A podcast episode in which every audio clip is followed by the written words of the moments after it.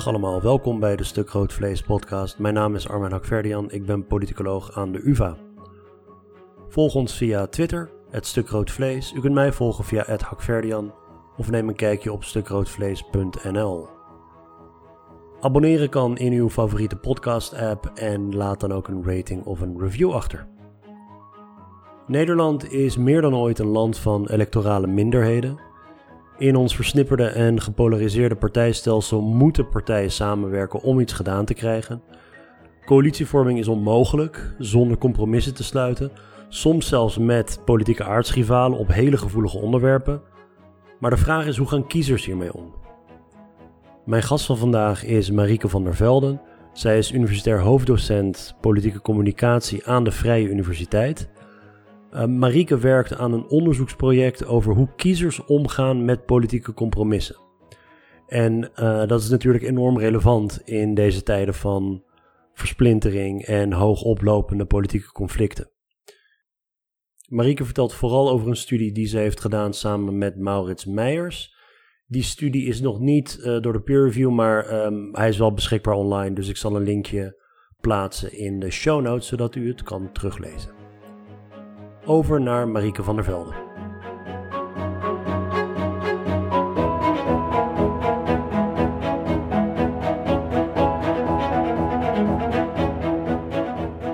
Ik zit hier met Marieke van der Velde aan de vuur. Ik ben helemaal naar uh, Amstelveen uh, gefietst. Waarvoor dank. Ja, Marieke, welkom.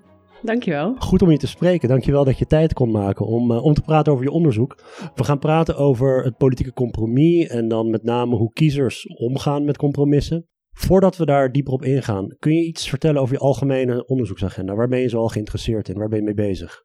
Ja, mijn onderzoeksagenda gaat eigenlijk altijd over wat politici um, beloven of zeggen en hoe dat de, de mening van mensen over die politici of over de politiek in het algemeen beïnvloedt nu ben ik met een groter project bezig over nostalgie. Dus hoe politici uh, beelden uit het verleden halen om eigenlijk uh, beleid dat nu um, bijvoorbeeld op tafel ligt, te zeggen zo moeten we het gaan doen, te legitimeren. En een ander groot project waar ik mee bezig ben gaat over politieke compromissen.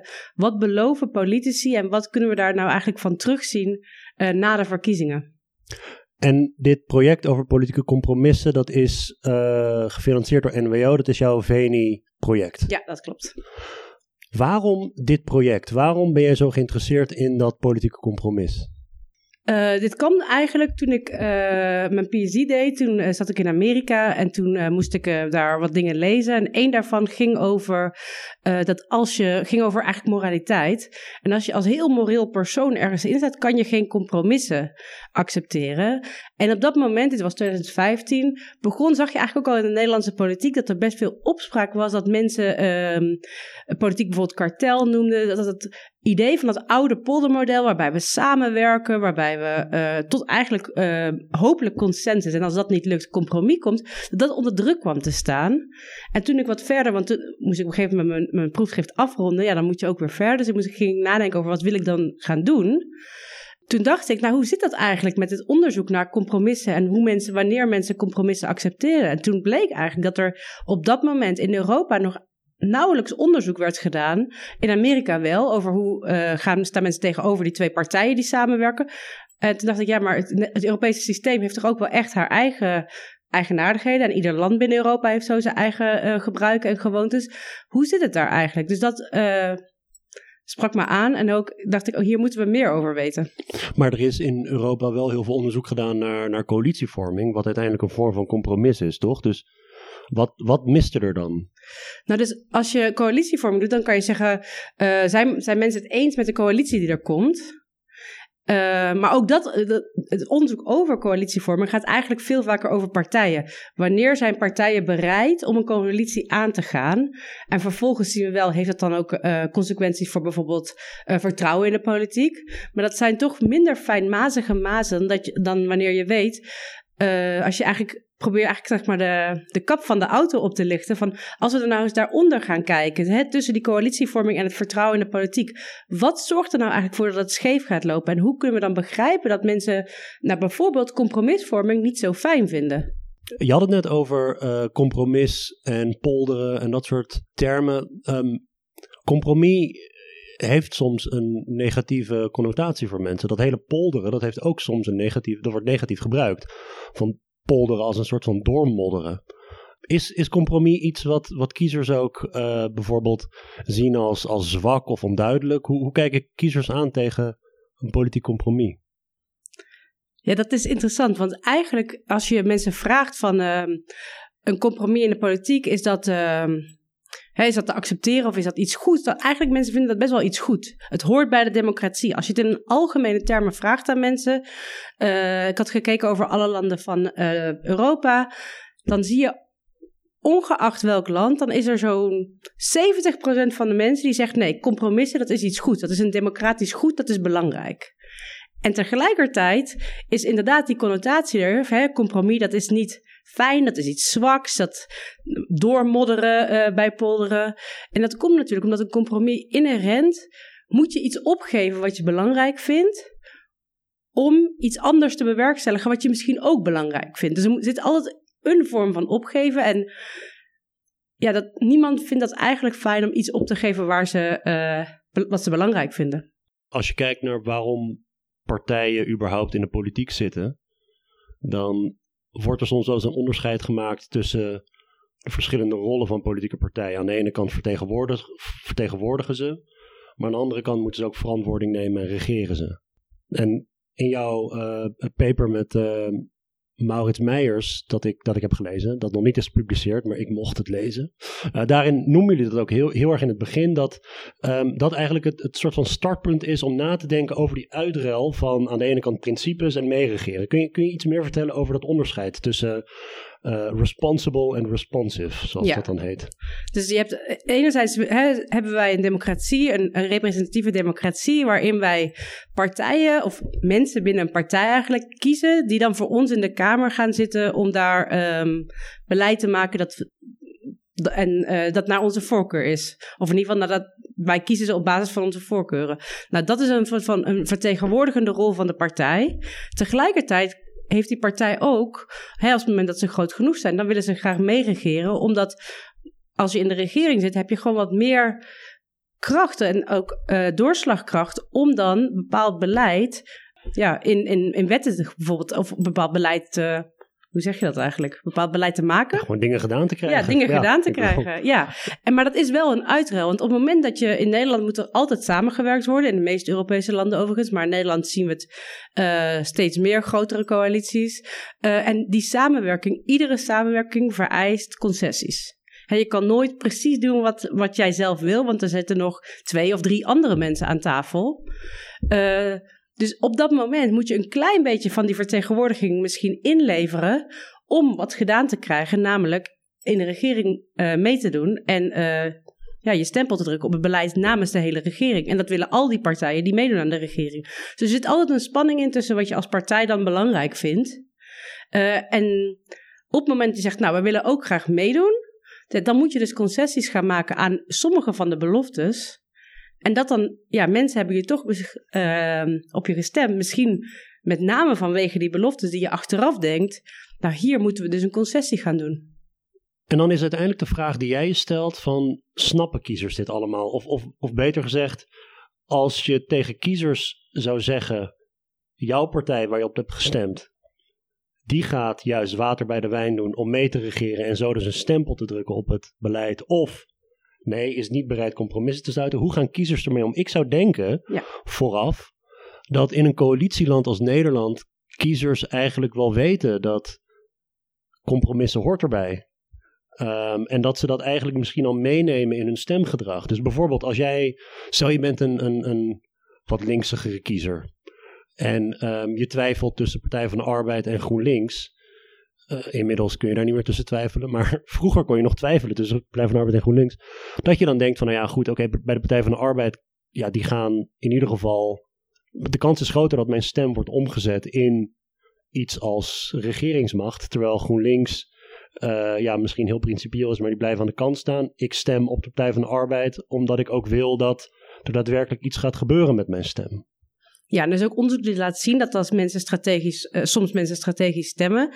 En in mijn onderzoek laat ik ook niet zien dat mensen die uh, compromissen wel of niet leuk vinden, daar van tevoren niet over na hebben gedacht. Wat ik samen met Maurits heb gedaan, is juist heel goed kijken, maar wat, waarom vinden mensen dat nou eigenlijk niet leuk? Dus als je mensen de, uh, de keuze geeft, of als je mensen verschillende scenario's voorlegt. Uh, enerzijds waar je een partij inderdaad een compromis laat maken, en de andere waar je zegt nee, dat doen we niet. En ook nog kijkt, maakt het dan uit of je daarna wel of niet in de regering komt? Dan zien we eigenlijk dat als het over specifieke onderwerpen gaat, en dit hebben we in Duitsland gedaan, uh, dat mensen compromissen eigenlijk nooit accepteren, zelfs niet als je daarna wel een regering daarvoor terugkrijgt. Dus in dat opzicht, misschien houden mensen daar al rekening mee. En daarom zijn ze dus extra teleurgesteld. He, van je dacht al dat, het, dat de, bij de PvdA dat je misschien um, de regering daarvoor terugkreeg. Maar je dacht niet dat ze zouden opgeven op, um, ja, um, noem maar iets, eh, de toeslagen uh, en hoe die geregeld werden. Maar Laten we even inzoomen op dat Duitse uh, voorbeeld, want dat vind ik interessant. Want de manier waarop jullie het hebben onderzocht is ook, uh, denk ik, best innovatief. Uh, in plaats van gewoon aan kiezers te vragen, vind je compromissen belangrijk of weet ik veel wat, ja, dan, dan, dan um, zeggen mensen dus over het algemeen ja. Maar op het moment dat je ze confronteert met een uitruil, en helemaal als je het, laten we zeggen, experimenteel doet, ja, dan, dan kun je dus echt zien of mensen, ja, hoe mensen echt reageren op dat compromis. Um, het Duits, ja, Duitsland heeft ook coalitiepolitiek. Ja. Uh, natuurlijk. En in Duitsland heb je ook dezelfde soort discussies als in Nederland over met wie moet je regeren en wat moet je ervoor opgeven. Um, dus in die zin is het niet zo heel anders dan in Nederland. Hoe hebben jullie dit precies onderzocht in Duitsland? Nou, wat, wat, Duitsland wel heeft, gelukkig als iets minder partij. dat kon dan wat makkelijker met een experiment gedaan worden. Dus wat we hebben gedaan is uh, voor vier partijen, uh, de CDU, uh, de SPD, dus zou zeggen de Duitse PvdA en de Duitse CDA. FDP, een beetje tussen VVD en D66 in. En uh, de Groenen, laten we zeggen, een beetje GroenLinks achter. Voor deze vier partijen hebben we gezegd, die waren ook na de verkiezingen, konden die allemaal in de coalitie komen. Uh, maar die zouden allemaal met een partij moeten regeren die eigenlijk van de andere politieke kleur waren. Dus we hebben altijd gezegd, nou als je een meer links georiënteerde partij bent, dan is het scenario zo dat je met een rechts georiënteerde partij aan tafel moet. En dat was ook realistisch op dat moment. Dus het is niet zo dat je dan zegt bijvoorbeeld uh, de, de Groenen en de SPD gaan samen, want dan is het compromis wel heel klein. Dan is het compromis heel klein. Uh, en misschien wel niet eens, want we hebben ook in de partijprogramma's gekeken. We wilden wel iets wat realistisch is. Je wil mensen niet te veel voor de gek houden. En het compromis, omdat het een experiment is, mensen, misschien hebben sommige luisteraars wel eens meegedaan aan een experiment, maar dan zie je één keer een fotootje of een tekstje. Dus het moet wel zoiets zijn waar je meteen, wat meteen bij je klikt. Waar je denkt, oh ja, nee, dat wil ik niet of dat wil ik wel. En als het te weinig verschil is, dan ja, dan krijg je zo'n van, hm, ja, hm, ja. En dan kan je dat, het effect daarvan niet meten. Dus we moesten iets doen wat in ieder geval contrast aangaf. En dat, dat realisme heeft hem ook te maken met het feit dat het een realistische meerderheidscoalitie moet zijn, denk ik. Dus ja.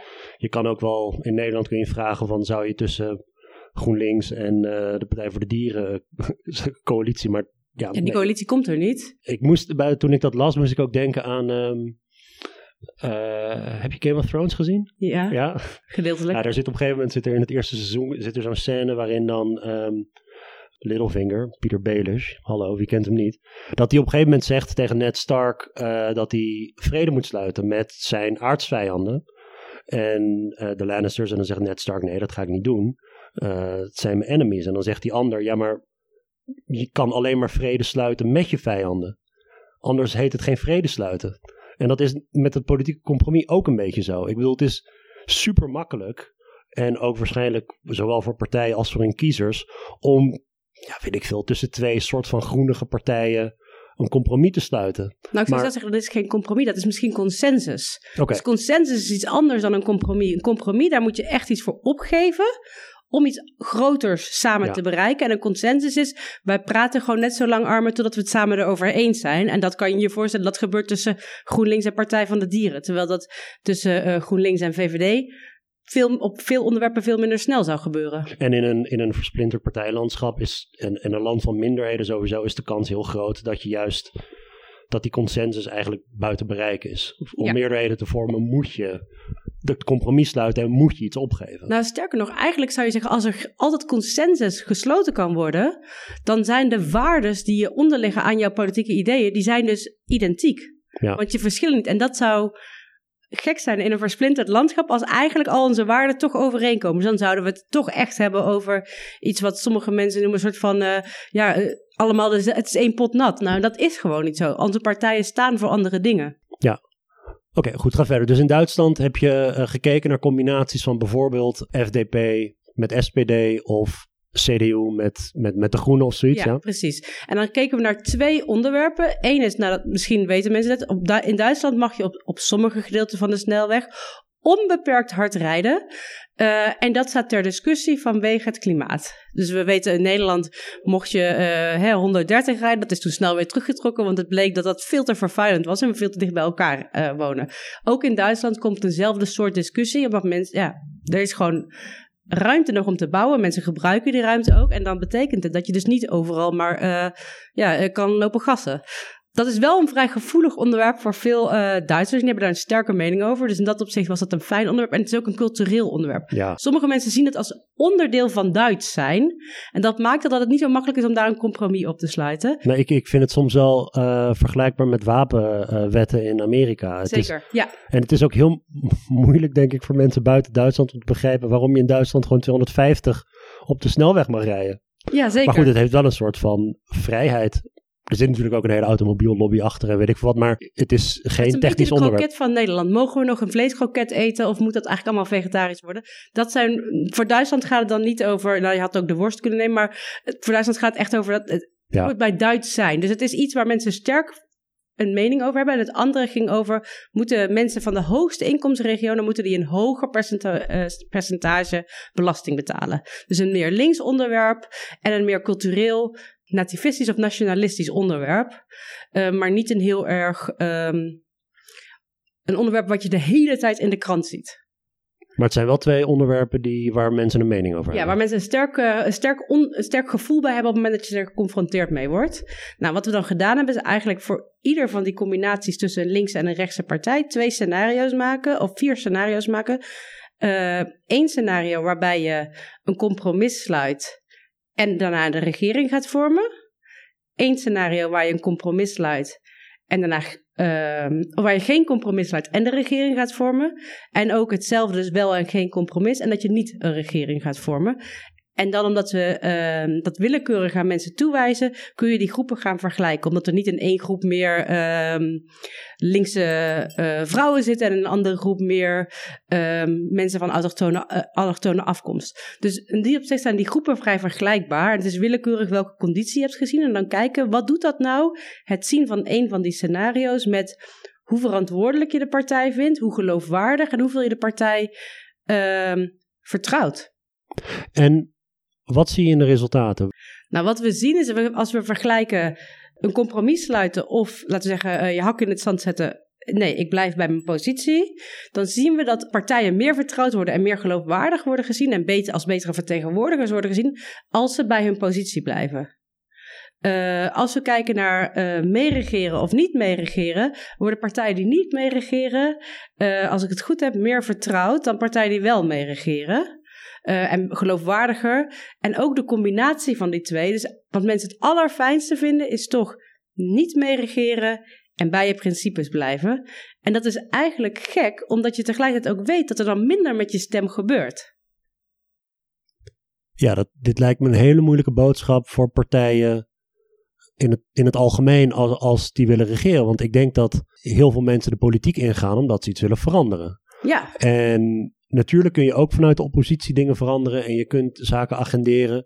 Maar uiteindelijk uh, is er een verschil tussen wat een regeringspartij voor elkaar krijgt, wat een oppositiepartij voor elkaar krijgt. Dus partijen willen, denk ik, natuurlijk niet ten koste van alles, maar partijen willen uh, liefst wel meedoen. Ja, zeker. En, um, en we zagen ook dat het voor sommige mensen dat dit wel sterker is. Dus als je heel principieel in dingen staat, in het leven eigenlijk, nou, dan vind je eigenlijk compromissen nooit goed. En dat weten we ook uit allerlei psychologie. Als je echt als je principes, daar kan je niet geen compromis op sluiten. Daarom zie je dat als, en als iets dan dus een principe van je wordt, dan wordt het ook heel lastig om daar nog over uh, te onderhandelen. Want ja, dan zet je gewoon je hakken in het zand. En ook als je weinig vertrouwen hebt in de samenleving als geheel. Want bij een compromis hoort dat je nu misschien iets opgeeft met het idee om later iets groters te krijgen. Maar dan moet je wel erop kunnen vertrouwen dat dat, dat later komt. En mensen die dus weinig vertrouwen hebben in de samenleving, ja, die, hebben dat, ja, die vinden dus compromissen voor die reden dus ook helemaal uh, slecht. Dus jullie hebben in je onderzoek ook gekeken naar het persoonlijkheidstype van mensen? Nou, we hebben twee kenmerken van mensen uh, uitgelegd, ja. En één daarvan is uh, een, als je een wantrouwende persoonlijkheid hebt. En wat was die andere? Of je... Heel, hoe principieel je bent. Hoe meet je of iemand heel principieel is? Dat hebben we op twee manieren gedaan. Dus we hebben een uh, economische maat genomen en economen die denken dat alles met geld op te lossen is. Uh, dus dan vraag je aan mensen, stel nou je mag tussen 0 en 4 euro krijgen, maar het geld dat jij krijgt wordt ook gedoneerd aan een organisatie die dan eigenlijk uh, voor is waar jij tegen bent. Dus stel, jij wil geen. Uh, jij wil 250 op die snelweg kunnen blijven rijden. Dan, en ik wil wel 4 euro krijgen. Uh, want ik wil koffie kunnen drinken straks. Dan wordt die 4 euro ook gedoneerd aan een lobbyorganisatie die tegen vrije. hoe noem dat? speed limit. Ja. Snelheidslimiet. Snelheidslimiet is. Uh, en Hoe heet dat in het Duits? Geschwind... Uh, tempolimiet. Tempolimiet. Dus, dus, en dan zouden economen zeggen, als je bereid bent om die 4 euro te pakken, terwijl er iets wordt gegeven aan een organisatie waar jij tegen bent, dan ben je niet zo principieel. Maar als je bereid bent om geen geld, gratis geld te krijgen, dan ben je heel principieel. En dus, dus met die maat, dan zie je ook dat de mensen die volgens die vrij economische maat van, uh, van, van principieelheid, uh, dat die ook het niet fijn vinden als een partij ja, zeker. En we hebben dat nog uh, daarna op een psychologische manier gedaan. En dat is altijd met uh, heel veel vragen. Ik geloof dat we er uh, acht of negen voor hebben gesteld. Maar om, om hetzelfde te, eigenlijk te meten. dat gaat dan eigenlijk over hoe je je voelt ten opzichte van allerlei situaties die je in je leven bent tegengekomen. Waarin je iets moest doen.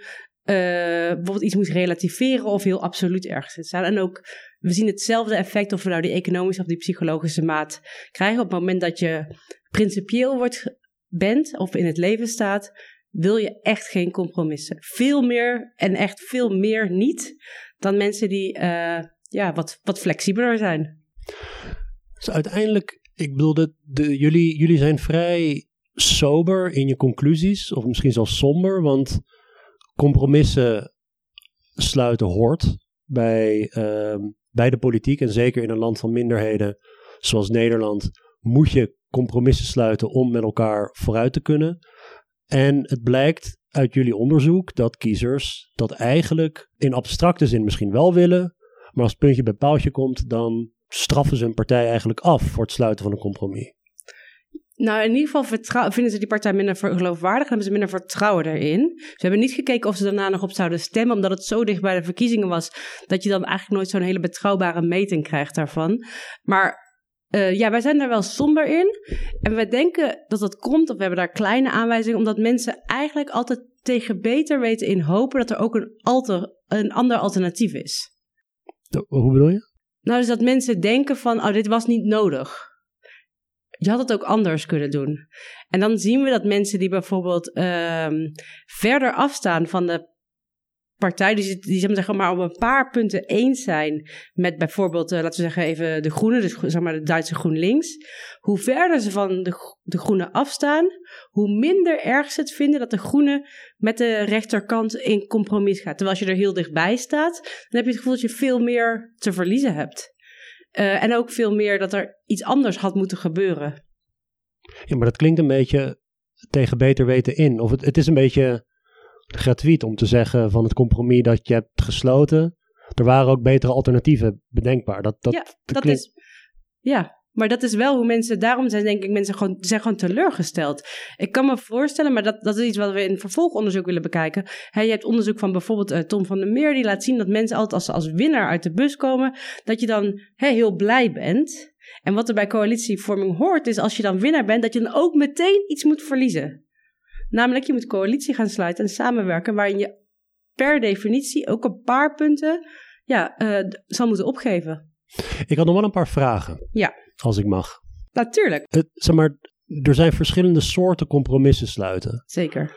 Dus je kunt dingen uitruilen en je kunt proberen om het midden te vinden tussen twee standpunten. Dus als jij en ik bijvoorbeeld het oneens zijn over wanneer de stikstofdoelen bereikt uh, zouden moeten worden. De een zegt 2030 en de ander zegt 2040. Dan zouden we kunnen zeggen, nou ja, weet je wat, dan doen we 2035. Dat is een, een vorm van een compromis. Een andere vorm van compromis zou zijn, nou oké, dan krijg jij je zin op het stikstofdossier. Maar op migratie krijg ik mijn zin. Dus we ruilen gewoon elkaars standpunten uit. Er zijn nog twee meer vormen. Eén kan zijn dat ik gewoon dat jij zoveel machtiger bent dan ik, dat ik gewoon helemaal moet toegeven. Dat is ook een compromis. Dus ik zeg, ik wil wel heel graag met jou meedoen, Armen. Uh, en daarvoor ben ik bereid het helemaal op te geven. Dus dan geef ik gewoon mijn standpunt op stikstof helemaal op. Of het vierde vorm van compromis is dat we zeggen, nou, wij gaan er niet uitkomen. Wij sturen het naar Europa of we zeggen per provincie. Dus de delegatie, dat is ook een vorm van compromis. Uh, maar wij hebben maar naar één specifiek gekeken. En dat is eigenlijk waar je als partij inlevert. En dat heeft te maken met als je iets experimenteel wil doen. Dan kan je eigenlijk altijd maar ja, van het hele plaatje dat je zou willen doen, kan je maar een speldenprik echt heel goed bekijken. En daarvoor hebben we gekozen voor wat we dan noemen het sterkste treatment. Omdat je mensen maar één keer eigenlijk kan beïnvloeden met zo'n plaatje, moet het zo sterk mogelijk zijn om achteraf te kunnen meten wat er aan de hand is.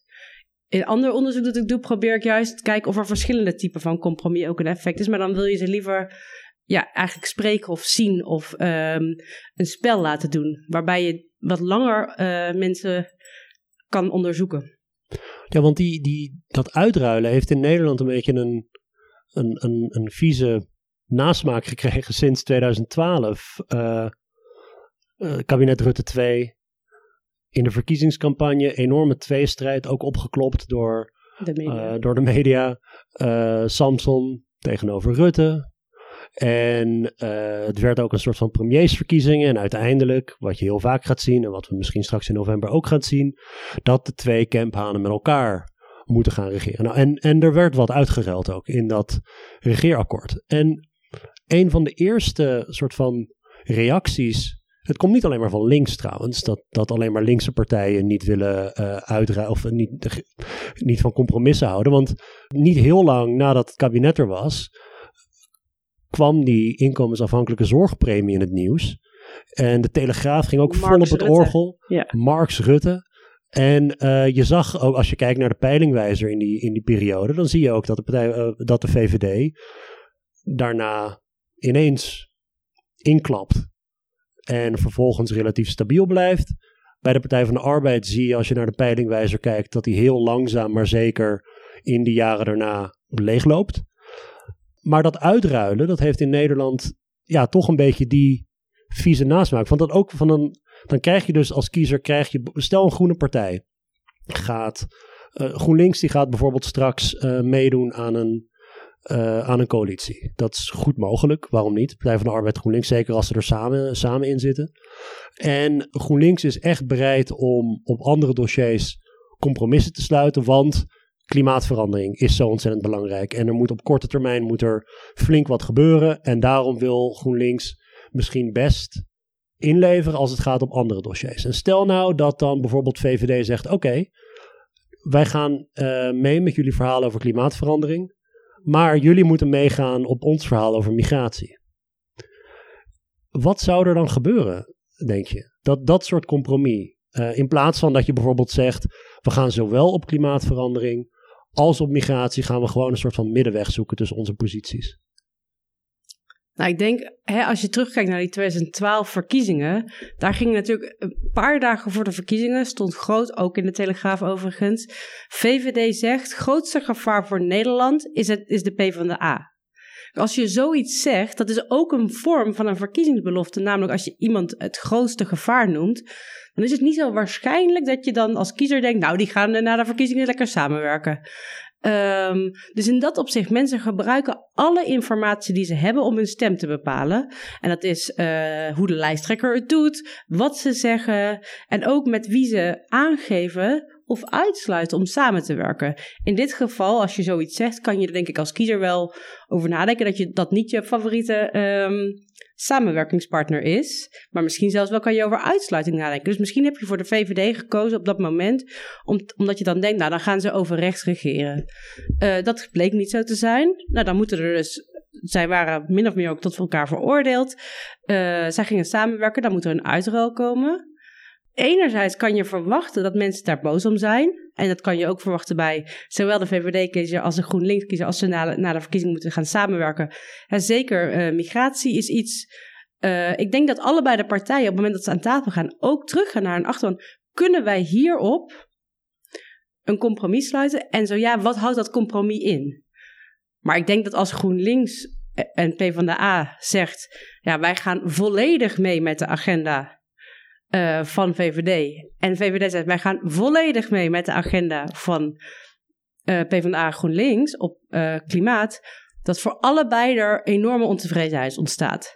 En dat is ook omdat er misschien te veel verschil is. Maar je kan ook denken aan nou ja, VVD doet een beetje water bij de wijn, GroenLinks doet een beetje water bij de wijn. En dan doen ze alsnog een uitruil. Dus ze verzwakken allebei hun posities. Ze verwateren allebei een beetje de posities en dan doen een uitruil. Het gaat uiteindelijk ook om dat we een regering hebben die beleid maakt voor de toekomst van Nederland. En daarvoor is toch vaak ook allebei nodig. Een beetje water bij de wijn en een beetje nadenken over dat iedereen wat krijgt waar ze het hardst voor willen vechten. Ja, Simon Otjes en uh, Noortje Thijssen die hadden een stuk geschreven uh, een paar jaar geleden uh, voor het wetenschappelijke bureau van GroenLinks. Ehm, in de trant van um, groene partijen zijn klaar om mee te regeren. En ze hadden toen ook gekeken naar andere partijen, groene partijen in andere Europese landen, die wel regeringsverantwoordelijkheid al hebben genomen en gekregen trouwens. Um, en in Nederland nog niet. GroenLinks heeft nog nooit als GroenLinks in ieder geval meegeregeerd.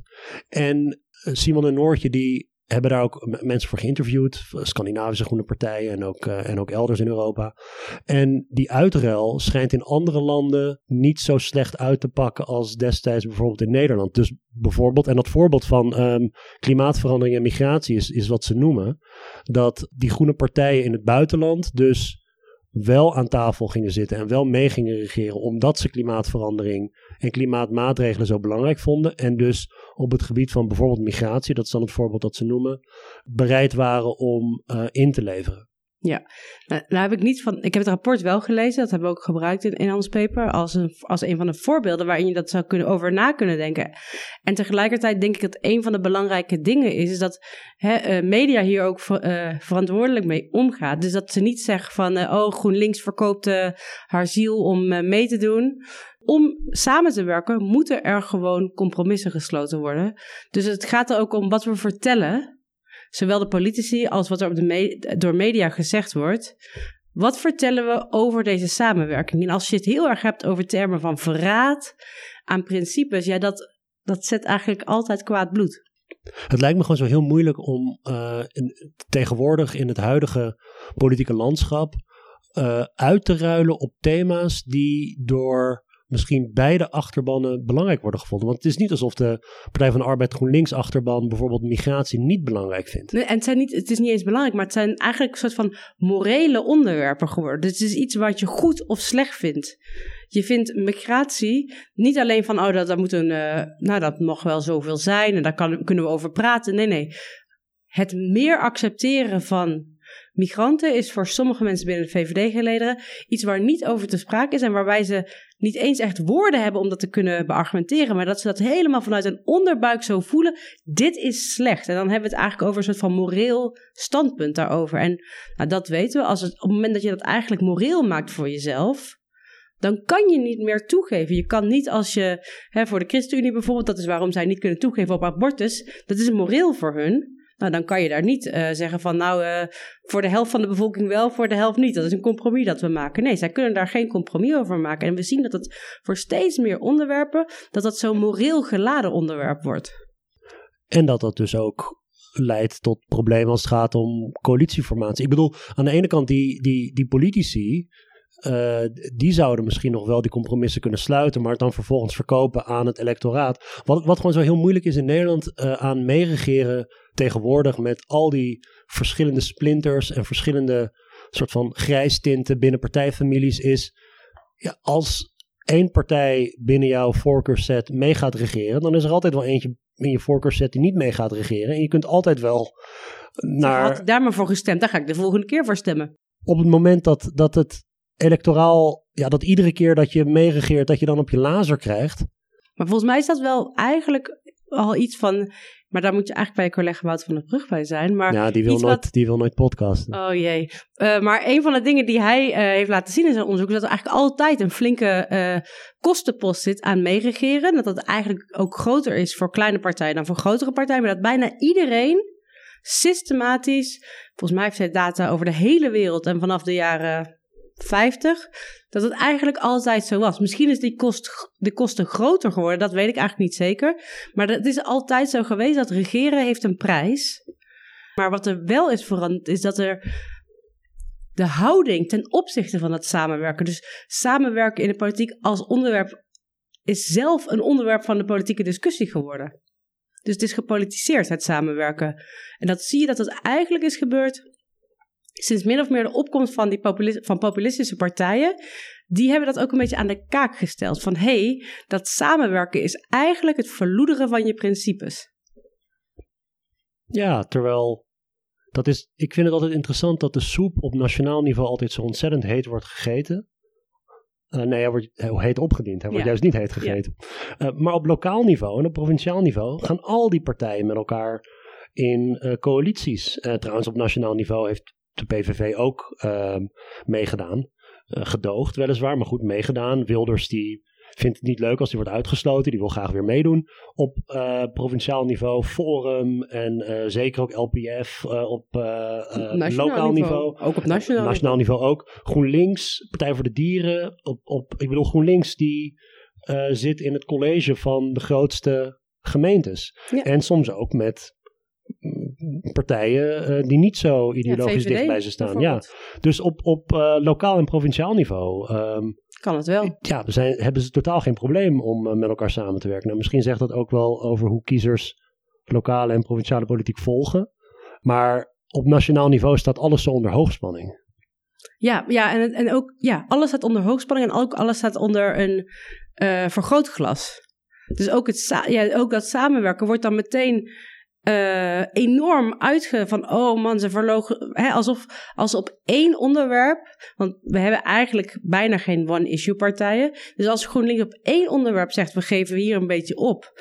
Om op iets anders wat we heel belangrijk vinden wat te krijgen.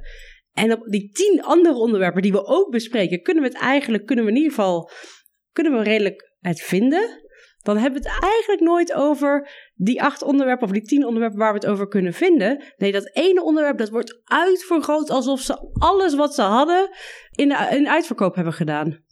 Ik zou het wel interessant vinden uh, om in bijvoorbeeld een vervolgstudie, uh, wat zijn mensen wel bereid te doen voor regeringsdeelname? Dus wat is het scenario waaronder mensen zeggen, ja, weet je wat die principes?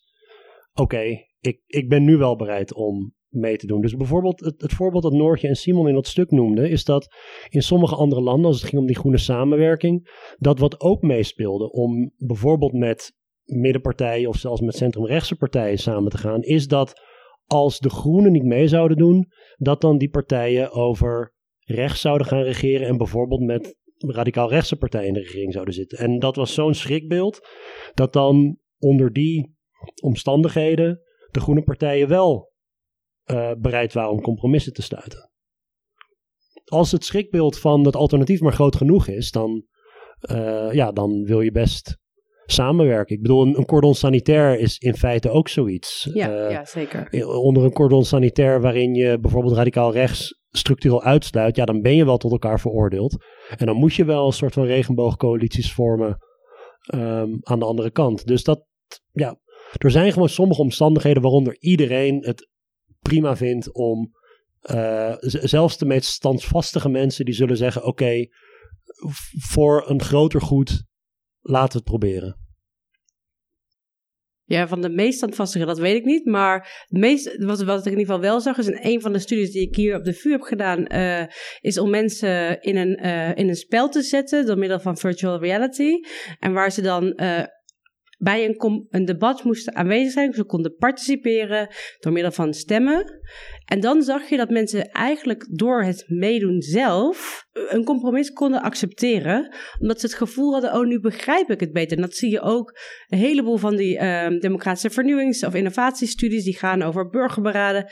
Wat eigenlijk daar over het algemeen uitkomt, is dat als mensen beter begrijpen wat er aan de hand is, Um, dan ben je meer bereid om dingen te accepteren. Dus ik denk ook, politici doen ook gewoon best wel slecht om uit te leggen waarom ze een compromis zijn aangegaan. Uh, een van de andere dingen die ik gedaan had, is kijken naar hoe praten politici over een compromis. Uh, het voorbeeld dat mij ooit. Um, dat mij altijd het meest. Er zijn twee voorbeelden die mij het meest. Hè, het over eigen schaduw springen was een tijdje een. Um, laten we zeggen, trending topic.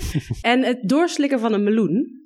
Dat zei, uh, ik moest een meloen doorslikken om uh, dit te kunnen accepteren. Nou, dat betekent dat hij dat, uh, op dat moment Segers, de leider van de ChristenUnie op dat moment, iets moeilijks moest doen. Tenminste, ik heb nog nooit geprobeerd, maar het lijkt me gewoon niet zo makkelijk om een meloen door te slikken. Ik zou het ook niet aanraden. Nee. Um, dus hij zegt, ik moest iets heel moeilijks doen, maar ik heb het wel kunnen accepteren. Waarom gebruiken ze eigenlijk van die versluierende taal? En waarom zeggen ze niet gewoon, nou ja, wij vinden het gewoon heel belangrijk dat er een regering komt uh, waar we deel uit maken, omdat we het dan ook voor de christelijke waarden kunnen vechten. En daarom hebben we hier concessies gedaan. Dat kan je toch ook zeggen? Nee, en dan zeg je zoiets vaak als ik moest een meloen doorslikken. Of we zijn over onze eigen schaduw gesprongen voor, dat was bij het Koendersakkoord. Politici gebruiken ook rare taal om dit uh, te verkondigen. Ja, nee, abso absoluut. Maar het is ook, ik zit, die, die partijen die meeregeren, die hebben het wat dat betreft als het gaat om, zeg maar, communiceren naar de kiezers toe van waarom doen we dit? Het is ook echt een moeilijke situatie. Want dan moet je je voorstellen dat je dan dus meeregeert en uh, je hebt wat van je standpunten kunnen verwezenlijken in een regeerakkoord. En vervolgens ga je regeren en dan gaat een paar jaar overheen. En dan moet je eigenlijk bij de volgende verkiezingen uitleggen van ja, wat wij hebben gedaan uh, was bijvoorbeeld uh, de moeite waard. En dan vraag je dus aan kiezers om eigenlijk een soort van counterfactual situatie voor te stellen waarin die partij niet had meegeregeerd. Van als wij niet hadden meegeregeerd als Partij van de Arbeid in 2012, dan uh, was dit de, uh, het resultaat geweest. Had je dat dan gewild? Maar dat is een heel moeilijke soort van redeneertrand, denk ik, voor kiezers om de huidige situatie te gaan vergelijken met een situatie waarin de Partij van de Arbeid destijds niet had meegeregeerd. En om dan te zeggen, nou weet je wat, Asher, Samson en de rest. Het, je hebt mijn stem weer. Ja, je hebt, je hebt het goed gedaan. Het was de moeite waard om het te doen. Het is veel makkelijker om te zeggen, ja, jullie hebben uh, alleen al omdat je met je aardsrivaal in een, in een coalitie bent gaan zitten. Je zal ongetwijfeld je uh, beloftes hebben moeten breken. Het is ook gewoon heel moeilijk om dat soort dingen te communiceren, uh, lijkt me. Ja, maar het is ook heel moeilijk om het land te besturen. En daar zijn ze dan, vinden ze zichzelf wel toe in staat. Dus nou ja, dit hoort er gewoon bij. Het kunnen uitleggen, het is een vorm ook van verantwoordelijkheid afleggen. Het kunnen uitleggen waarom je een bepaalde afweging hebt gemaakt. Um, dat hoort, er, hoort bij het vak. Dat is een van de vormen die we eigenlijk uh, verantwoordelijkheid afleggen noemen. Dus niet alleen zeggen wat je wel bereikt hebt, maar ook waar je helaas om die dingen te bereiken. Want dat eerste lukt ze altijd vrij aardig om wel te zeggen wat ze wel bereikt hebben. Maar dan, dat andere verhaal, of het eerlijke of het opene verhaal, dat blijft dan toch een beetje uh, ja, onder, of dat, dat blijft overschaduwd. Dat wordt overschaduwd door de successen. En tuurlijk wil je ook liever over je successen praten. Tegelijkertijd weten we dus nu van onderzoek op allerlei vlakken dat het meer weten helpt om een situatie te begrijpen. En ik wou nog even dat andere over, hè, dat die coalitieformaties zo in nevelen gehuld zijn. Nou kan je je voorstellen als er onderhandelingen plaatsvinden nou, stel bijvoorbeeld dat je eh, een nieuwe baan hebt en je wil onderhandelen over de voorwaarden daarvan. Ja, dan tweet je niet van tevoren of zet je niet op social media je lijstje van, nou, dit ga ik dadelijk uh, vragen aan mijn nieuwe baas. Dat kan je je voorstellen. Nou, hetzelfde kan je voorstellen met partijen die eigenlijk zo'n onderhandeling ingaan. Voor die onderhandeling kan ik me best voorstellen dat ze hun kaarten op de borst houden, omdat ze zoveel mogelijk eruit willen halen. Dus daar wordt weer die verantwoordelijkheid en die uh, vertegenwoordiging afgewogen. Maar daarna kan je toch uitleggen, nou, we zijn hier in de regering gegaan, wij vinden dit heel belangrijk, dit kunnen we nu in ieder geval bewerkstelligen. Andere punten, ja, zullen we moeten proberen samen met oppositiepartijen voor elkaar te boksen. Maar hier hebben we in ieder geval zekerheid over. Maar dat, dat, dat eigenlijk zeggen partijen dat nooit achteraf van een coalitieonderhandeling. Nee, misschien tot slot. Ga je uh, deze compromisbereidheid en, en, en coalitievoorkeur, ga je dat ook voor de komende verkiezingen onderzoeken voor Nederland? Uh, ja, zeker. is altijd uh, in deze onderzoeksgroep, is er vanaf 94, wordt er eigenlijk rondom de verkiezingen een eh, tussen ongeveer vijf keer worden mensen bevraagd. Vier keer voor de verkiezingen, één keer daarna. Over allerlei vragen. En uh, afgelopen keer en ook deze keer ga ik kijken. Wat, welke partijen willen mensen eigenlijk in de regering? En hoe, en hoe erg compromisbereid zijn ze om te kijken. Want hè, van tevoren zei hij van uh, mensen die weten toch ook wel dat er compromissen uh, gaande zijn. En tegelijkertijd zien we toch dat mensen best vaak een wat bredere regering eigenlijk willen, idealiter. Ook best compromisbereid en ook best compromisbereid zijn. Alleen niet op dat onderwerp wat dan op dat moment, zo in, hè, op het moment dat je geconfronteerd wordt met dat jouw partij iets opgeeft, dan ineens niet. Dus om dat beter te kunnen begrijpen, uh, ga ik daar de volgende verkiezingen een aantal vragen over stellen. Ze uh, zeker. En kom na de verkiezingen dan terug, zou ik zeggen, om over de resultaten te praten. Lijkt me heel leuk. Heel erg bedankt voor je tijd. Graag gedaan. En u bedankt voor het luisteren. Tot, tot de volgende keer.